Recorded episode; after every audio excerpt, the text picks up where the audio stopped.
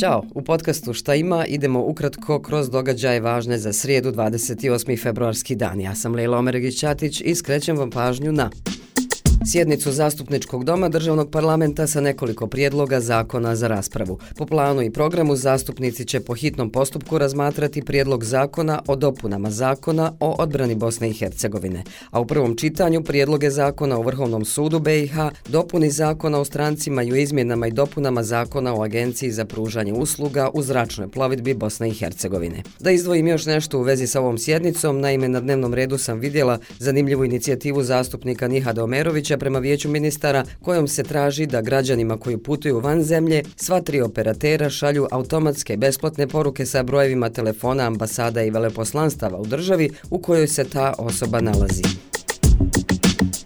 Potom i dva važna samita za Bosnu i Hercegovinu i regiju koji se održavaju u Tirani, a na kojima učestvuje i predsjedavajuća vijeća ministara Borjana Krišto. Današnji se tiče odnosa Ukrajina-Jugoistočna Evropa na kojem će biti prisutan i ukrajinski predsjednik Volodimir Zelenski, koji je uz albanskog premijera Idija Ramu domaćin samita. Dan kasnije, 29. februara, fokus će biti na putu zemalja Zapadnog Balkana prema Evropskoj uniji kao implementaciji plana rasta, čiji je cilj proširenja koristi jedinstvenog tržišta Evropske unije na regiju prije formalnog pridruženja istraživanja, a kako bi se ostvario pozitivan doprinos ekonomskom rastu i ubrzanju socioekonomskog približavanja Evropskoj uniji. Domaćini ovog samita su premijer Rama i Evropski komesar za proširenje Oliver Varhelji. U Opštinskom sudu u Sarajevu počinje pripremno ročište u tužbi Sebije Izetbegović, smijenjene direktorice Sarajevskog kliničkog centra protiv univerziteta u Sarajevu. Izetbegović je tužila univerzitet tražeći poništenje odluke o oduzimanju titule magistrice medicinskih nauka.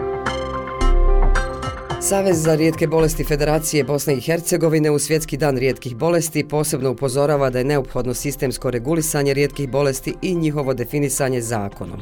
To su glavni preduslovi da bi se osigurala blagovremena dijagnoza, dostupnost lijekova, terapije, kvalitetniji uslovi života te snažnija integracija u društvu.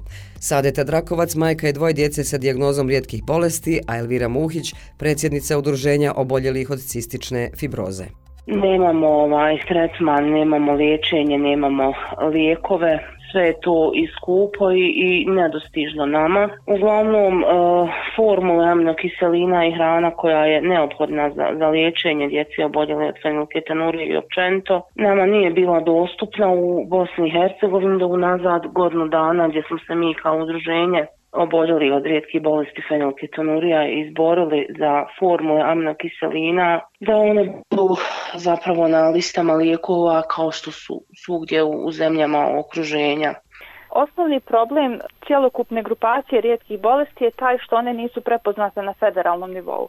Dakle, rijetke bolesti nisu definisane ni u zakonu o zdravstvenoj zaštiti, Federacije BiH ni u zakonu o zdravstvenom osiguranju, niti u zakonu o socijalnoj zaštiti na federalnom nivou, tako da se njihovo liječenje spušteno je na kantonalne nivoe. Bolest se smatra rijetkom kada pogađa manje od pet osoba na 10.000 stanovnika, a u Savezu procjenjuju da u Federaciji BiH ima 50 različitih rijetkih bolesti s kojima se bori oko 700 građana.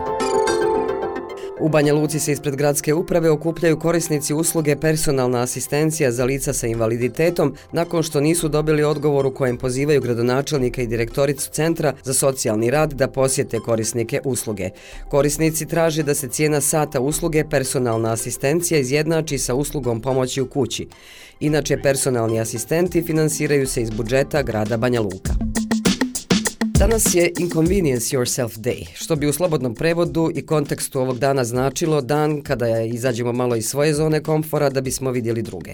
Uljepšali drugima dan i učinili neku netraženu uslugu nego sami od sebe, nesebično. Julie Thompson, savjetnica za okoliš iz Floride, osnovala je ovaj dan 2006. kada je shvatila da provodi previše vremena ne obraćajući pažnju na svijet oko sebe. Dakle, ideja nije toliko uzrokovati neugodnosti sebi, već biti spreman da nečiji dan učiniš malo radosnijim. Ukratko, trebali bismo provesti neko vrijeme razmišljajući o potrebama drugih i kako mi možemo pomoći. U svakom slučaju ja mislim da se to treba raditi svaki dan, ali evo jedan ovakav javni dan je dobar podsticaj da mislimo o tome. Može to biti da komši donesete hljeb iz dućana, nasmiješite se nekome u prolazu i bilion drugih stvari koje nekome učine dan ljepšim i svijet boljim mjestom za život. A uvijek se pokaže i samima sebi. Ujedno, to je sve za ovo izdanje podcasta Šta ima. Potražite nas i sutra na istom mjestu. Ćao!